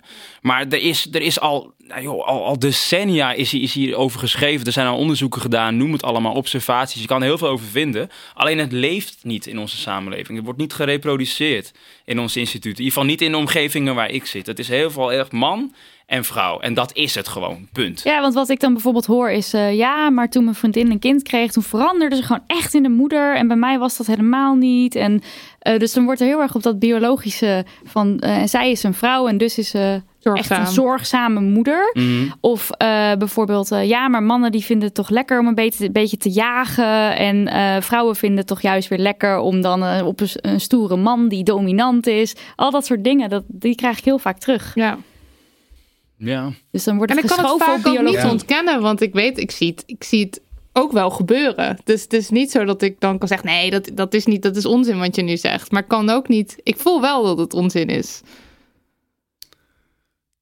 Ja, ik voel dit als een soort. Een, pff, ehm, ehm, nou komt toch maar weer een, een, een stukje mini-college of weet ik wat. Maar eh, eigenlijk denk ik, wat, wat vooruit die verhalen blijkt, is dat dus de, zelfs de blik waarmee we kijken naar het biologisch verschil is enorm gekleurd door maatschappelijke opvattingen. En dat is wat er ook heel erg gebeurt in de interpretatie van biologische verschillen. En wel, aan de ene kant kan je zeggen, natuurlijk zijn er verschillen tussen mannen en vrouwen. In de biologie worden allerlei verschillen geconstateerd. Maar ook binnen de biologie zijn allerlei stromingen het helemaal niet per se met elkaar eens, zeg maar. Er zijn heel veel verschillende manieren om te bepalen wat een man is en wat een vrouw. Of dat doe je via de genetica, of dat doe je via hormonen, of via hersens, of via lichaamsgewicht en lengte. Of nou, zo zijn er allerlei verschillende categorieën. Er zijn ook eh, mensen die biologisch gezien eh daartussenin of daarbuiten zitten. Maar goed, laten we zeggen dat er biologisch nog een soort van eh, verschil te maken is tussen mannen en vrouwen. Dan is vervolgens de vraag, wat zegt dat dan over de maatschappelijke verschillen? En daarbij denk ik dat het vooral interessant is om te kijken naar de onderlinge verschillen tussen mannen, onderling tussen vrouwen onderling. Want eigenlijk alle onderzoeken die er zijn over gedragsverschillen, emotionele verschillen, psychologische verschillen, hè, dus de, de, de culturele gedragsverschillen, die zeggen er is meer overlap dan verschil tussen mannen en vrouwen. Er is meer onderling verschil tussen man onderling en tussen vrouwen onderling dan dat er verschil is tussen die groepen. Ehm, het is ook in de praktijk veel interessanter om te kijken, goh, hoe verschillen dan eh, mannen van elkaar in hoe ze ten opzichte van de jacht staan, of vrouwen hoe ze ten opzichte van moederschap staan. En ik geloof zelfs dat in het beleven van die dingen ook dit soort culturele opvattingen weer een enorme rol spelen. Ik bedoel, hoe moederschap beleefd wordt. Natuurlijk, dat wordt enorm gevoed door een heel fysiek lichamelijk proces waar ik geen idee van heb. Maar het is ook een illusie om te denken dat al die vrouwen dat op dezelfde manier beleven. Of dat wat ze beleven niet enorm gevoed wordt door hun culturele omgeving. Door de boeken die ze erover gelezen hebben. De boodschappen die ze voortdurend krijgen. De mythes rond moederschap en, en, en alles die er in deze maatschappij hangen. Dus dat, en dan tot slot. Het kan best zijn dat als we ophouden met alle nurture, met alle maatschappelijke invullingen van dit soort dingen, dat er nog dat er verschillen overblijven. Dan heb ik daar geen probleem mee. Maar ik zou graag willen dat mensen vrij zijn in de keuzes die ze kunnen maken in hun ontwikkeling. Dat ze hun menselijke eigenschappen ten volle mogen ontplooien en ontwikkelen en inzetten. En er zijn boekenkasten, bibliotheken volgeschreven over hoe wij nu dat verschil maken. Wat er niet per se hoeft te zijn. Als we daar nou eens mee ophouden. En dan kijken wat er overblijft. En als we dan allemaal in vrijheid leven met de verschillen die er dan misschien overblijven. En we gaan daar ook nog gelijkwaardig mee om. Dan is er geen enkel probleem. Eh, Maar nu worden biologische, zogenaamd biologische verschillen vaak gebruikt om maatschappelijke ongelijkheid mee te legitimeren. Ja. En dat is natuurlijk het probleem. Ik zit dan te luisteren en denk, waar zijn we nou eigenlijk helemaal mee bezig? Nou, Nou, ik, la- Ja, ik las ook over dit Thomas-theorema in jouw boek. Ja. En dat is het idee van, omdat we allemaal vinden dat het nou eenmaal zo is, Is houden we het in stand dat Ja. het nou eenmaal zo is. En dat is Eigenlijk natuurlijk met is het jongens, meisjes. Ja. Vanaf heel jong, wat je net ook al zei, bij kinderen is, Ja. het, eh, is het heel erg ook jonge meisje altijd. Ja, je hebt nu al gender reveal Ja, parties. het is toch echt een ramp. Ja, Dat al voordat een kind geboren is, wordt er gevierd of getreurd dat het een jongen of een ja meisje is. Dat is echt En wordt alles roze en blauw ingekleurd. Het is echt een ramp. Ja, Eigenlijk, ik bedoel, nou ja, goed, ik ga nou iets heel door kort doen. Maar ik vind het kindermishandeling om kinderen al van zo jongs af aan te beperken en te sturen in wie ze wel en niet mogen zijn. en hoe, eh, kan je iets noemen hoe jij dat in de opvoeding dan pro- probeert los te laten? Ja, Het lijkt dat me, is een lijkt enorme uitdaging. tegen de, ja. Nou ja, en vooral ook omdat ik dus probeerde niet een project van te maken. ja. Ehm, en het dat natuurlijk toch wel wordt. Dus een van de andere foute dingen die ik op mijn lijstje had staan, was dat ik het, ehm, het bed van mijn dochter vorige week knalroze heb geschilderd. Weliswaar ook dan het bed van mijn zoontje, want ik kon het niet. Je had nog verf over. Nee. Ja, en, maar het is heel interessant. ehm, wat zij is, en ik weet niet waar ze het allemaal vandaan haalt, maar ze is helemaal into prinsessen en zeemeerminnen en eenhoorns en roze. En inmiddels is daar gelukkig paars en rood bijgekomen. Maar ehm, Maar roze En- is ook gewoon een fantastisch. Ik wil het graag nee, maar dat is zeggen. wat ik zeg. Want, want ik heb gezegd, roze is ook mijn lievelingskleur. Ja. Ik heb een aantal jaar in Amsterdam in een roze jurk rondgelopen. Met veel plezier. En ehm, weet je, roze, maar en ik snap ook dat prinsessen mooi gevonden worden. Ja. Dus ergens is er iets heel dubbels dat we dat dan maatschappelijk wel lager waarderen. En dat we dat aan meisjes toeschrijven. Dus ik wil graag dat zij daar vrij in is. Ik wil niet dat ze van mij het gevoel krijgt dat dat niet mag. Maar ik wil dat mijn zoontje ook vrij is. En ze, alles wat zijn zus doet is nu ook wat hij doet. Dus roze is ook zijn lievelingskleur. En hij wil ook in prinsessenjurken. Maar dan voel je alweer, als je dat doet, oh, dan is het bijna een statement. Dan moet je weer oppassen. Ja. Wat vindt de buitenwereld daar dan van? Dus het is, Komt die eh, feminist Eigenlijk weer? is het toch een project. Ja, Dan. natuurlijk is het een Ja. project. Weet je, maar dat, daar gaat dit hele gesprek over. Het gaat eigenlijk over bewustzijn van, van de ingewikkeldheden van het leven in een seksistisch patriarchaal systeem. En dan proberen daarin de goede stapjes richting verandering te zetten. Maar het is echt ingewikkeld. Ik bedoel, als je. Misschien moet je geen kinderen nemen als je wil dat het patriarchaat ophoudt te bestaan. Ja, je houdt het in stand door gewoon kinderen te nemen. Ja. Nou ja, nee, maar ze worden gewoon gevormd door de wereld waar ze in leven. Ja. Ik bedoel, ja. Moeten we het eigenlijk wel feminisme noemen als het zo gaat over gelijkwaardigheid? Voor veel eh, mensen nog altijd ingewikkeld dat je als feminist dus ook een man kan zijn. Dat feminisme niet alleen gaat over vrouwen. Hoe is jullie kijk hierop?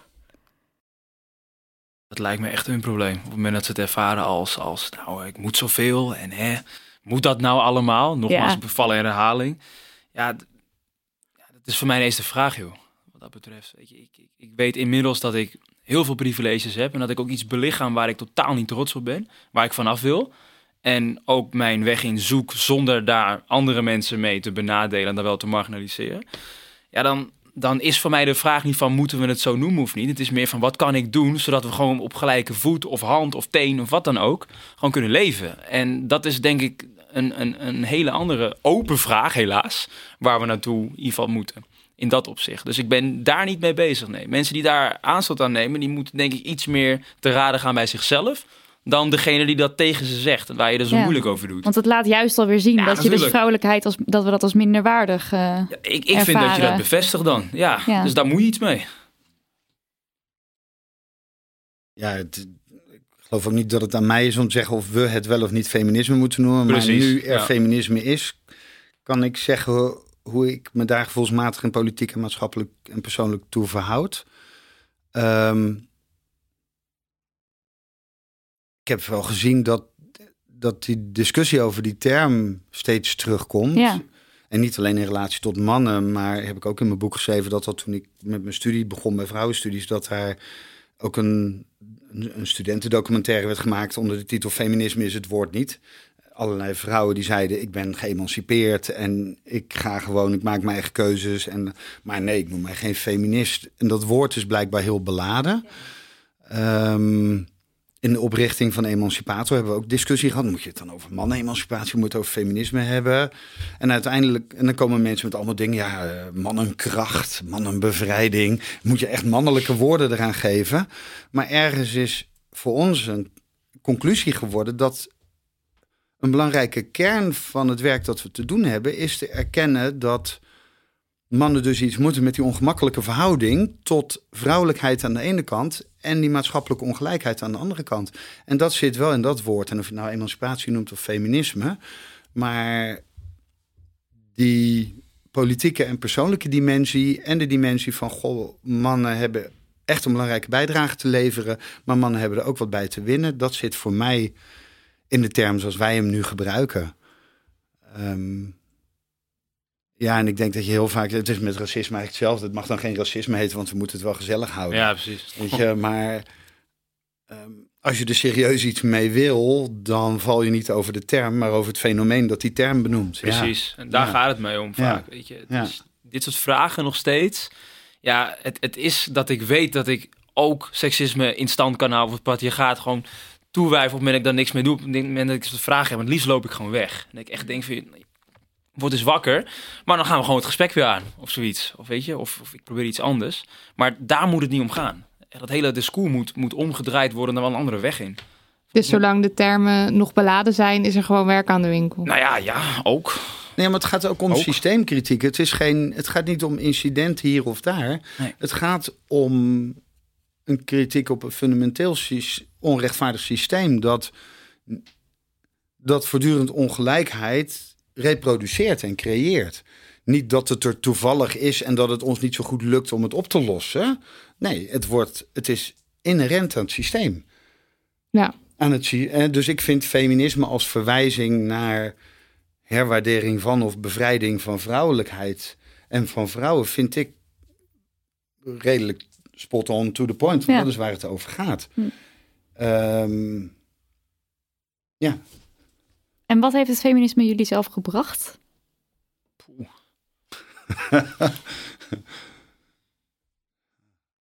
nou, ik zit nu hier. er is thee, er is chocola. Ja, daar komen we zo nog op. Goed avondje uit. Zal ik aftrappen dan? Nee, ik- ben echt eh, geschrokken. In, in een goede zin.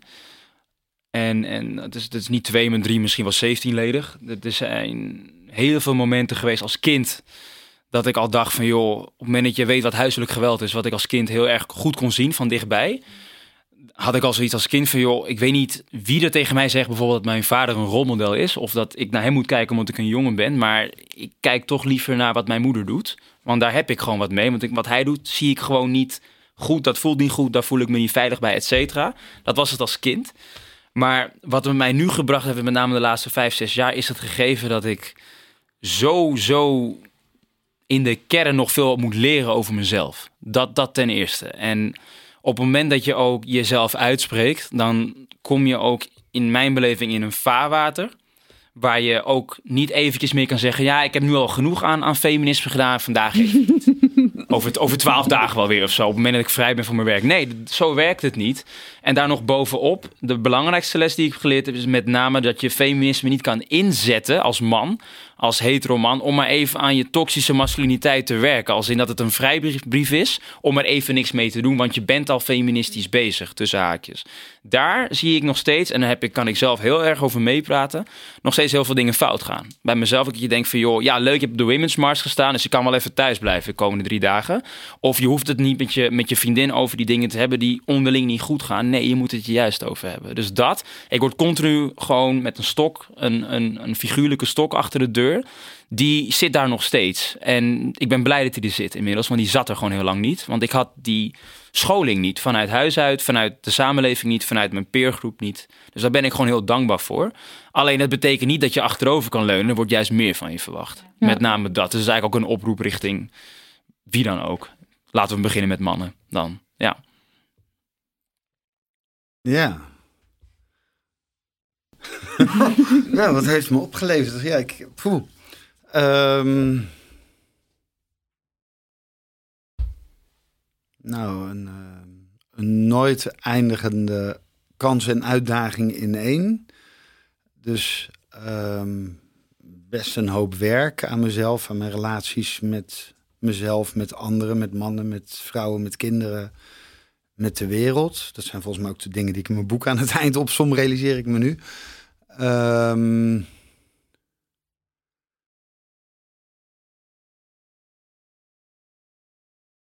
ja, op een bepaalde manier wel eh, een heel belangrijk... eh, dat kwartje wat viel, dat was, was, had ook iets met heelwording of met vervulling of zingeving te maken. Van dit is waar het klopt voor mij. En alles wat ik tot dan toe ingewikkeld vond, maar niet zo kon begrijpen, vind ik nog steeds ingewikkeld. Maar denk ik nu iets beter te begrijpen. En ik heb tenminste handvaten om er iets mee te doen. En ik. ehm, dus ik. Nou ja, misschien is gewoon. Het meest simpele antwoord is: ik geloof dat ik door het feminisme mezelf in eerste instantie als man heb leren kennen, maar daardoor als mens. En daarvoor was ik genderneutraal, maar was ik eigenlijk dus man in al mijn genderblindness, genderblindheid. En door die ingewikkelde weg van mezelf als mannelijk mens in deze wereld te leren kennen en te gaan zien en te gaan ontdekken en ook te mogen ontwikkelen, heb ik het gevoel dat ik dat ik nou, ik vind mijn plek in de wereld nog steeds niet makkelijker of zo. Maar het klopt wel meer. Zo, dus ik, ja. Ik ben me misschien meer bewust van alle vervreemdingen in deze wereld en ook in mijn leven. Maar daardoor iets minder vervreemd dat ik anders zou zijn. Mooi. ik denk dat we... Dat we Is dit nou een goede reclameboodschap? Nou ja, ik hoop Ja. nog steeds. En also meld je aan bij Emancipatie. Wil je een beetje af van je vervreemding, maar nog vreemder tegen de rest van de wereld aankijken? Meld je dan aan. Ja. Nee, ik denk dat ik een mooie zin heb om mee af te sluiten, ook uit jouw boek, Jens. En dat is mens zijn in plaats van man doen. Ja. Dat vind ik een hele mooie. Ja. Heel erg bedankt voor, de, voor jullie komst. Dankjewel. Ja, kleine dat moeite. jullie het allemaal wilden delen. ja hoor, graag.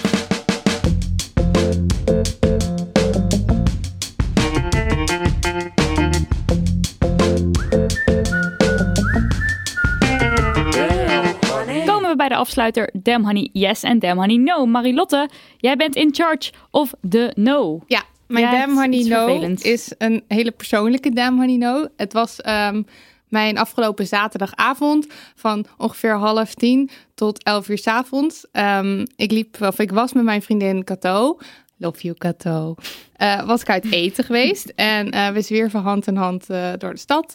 En in een tijdsbestek van welgeteld anderhalf uur zijn we vier keer nageroepen. En we zijn weggekeken uit een café. En het was, het, het was, ik heb het nog nooit zo erg meegemaakt. Van, ik weet, we worden wel vaker nageroepen. Of we worden ons wel vaker ongepaste shit naar ons hoofd geroepen als we hand in hand lopen. Dit was alleen hand in hand lopen. We stonden niet eens seizoenen. Ik weet dat ik dat niet hoef te verdedigen of iets. Maar ik vond het echt onverklaarbaar. En ehm, we voeren ook wel eens gesprekken van... eh, We zijn meer verbaasd als het niet gebeurt. En we komen thuis en denken oh, dat is niet gebeurd. Maar nu gebeurde het dus vier keer. En ook wel ehm, op een vervelende manier. Het ging echt van, mag ik meedoen? Tot geile, geile, geile, geile wijven. En we werden een keertje weggekeken uit een café. En dat vond ik eigenlijk nog het vervelend. Want dan zit je net een, net een beetje in gesprek en is het gezellig. En dan zit er iemand zo heel vies naar je te kijken de hele tijd. Ehm, ik weet niet, ik dacht echt, eh, Amsterdam is echt helemaal van het padje. Ehm, en toen de volgende dag, eh, volgende ochtend stapte de deur uit en het begon weer. Dus mijn damn honey no is op dit moment Amsterdam als ik er als lesbische vrouw door, eh, door de straten wil begeven. Dat was het. Ik werd er heel boos van en ook heel weer een soort van... Er is echt nog heel... Ja, dat wel. Ja, wij met jou denk ik wel. Ja. Zin om, om, Gelukkig om, maar. om, om iets te doen. Ik weet even niet zo goed wat, maar dat is heel kut. Ja, damn honey yes. Eh, ja, ik heb er gewoon drie. Waarom niet? Drie vrolijke dingen. Mijn eerste is dat er bij de landelijke Sinterklaasintocht alleen nog maar roetveegpieten aanwezig zullen zijn. Dat heeft eh, uiteraard veel te lang geduurd om er, om er oprecht heel blij om te zijn. Maar ehm, ik hoop wel dat dit een eh, aanleiding is voor heel veel scholen. Eh, wat hebben we nog meer? Waar heb je, waar heb je intochtige sportverenigingen, gemeentes Dorpen. ook vooral. Dorpen. Dorpen. Ja. Ja, eh, om, om te kijken naar de landelijke intocht en daar een voorbeeld aan te nemen. Eh, dus eh, veel dank aan iedereen die zich daar de afgelopen jaren hard voor heeft gemaakt. Nou, natuurlijk Daryl eh, hier aan tafel.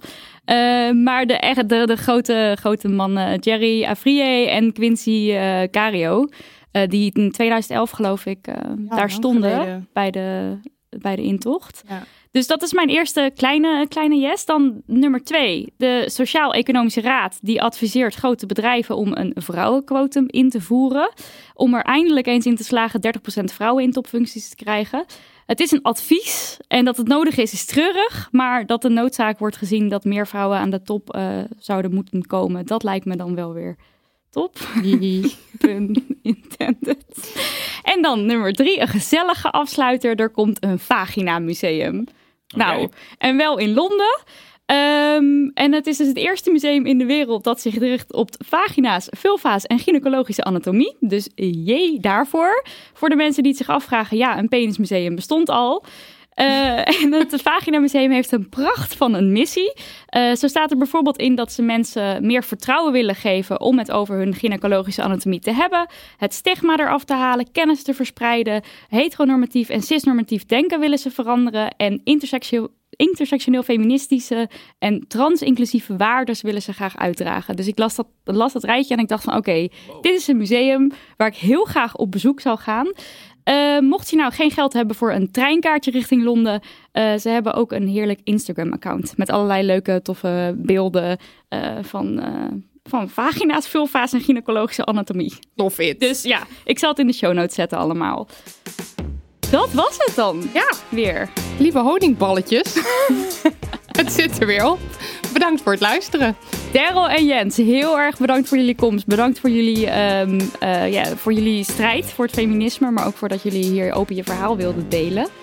Uh, en we hopen jullie uh, snel weer een keer te zien. Ergens bij een activistisch gebeuren. Bijeenkomst. Bij een bijeenkomst. Uh, dank aan produceer meneer Daniel van de Poppen en ook aan jingleman Lucas de Gier. En bedankt aan iedereen die post stuurde. Stuur vooral meer via ons Instagram-account @damhoney_het_boek of stuur een mail naar info@damhoney.nl. Laat een recensie achter op iTunes of steun ons met monies via patreon.com slash damhoney. Of niet, zelf weten. Tot over twee weken. Nee, mm. tot over één week. Eén week. Want we gaan een bonusaflevering maken. Dus yes. volgende week zijn we er gewoon weer. Doei, dag, doei. Dag.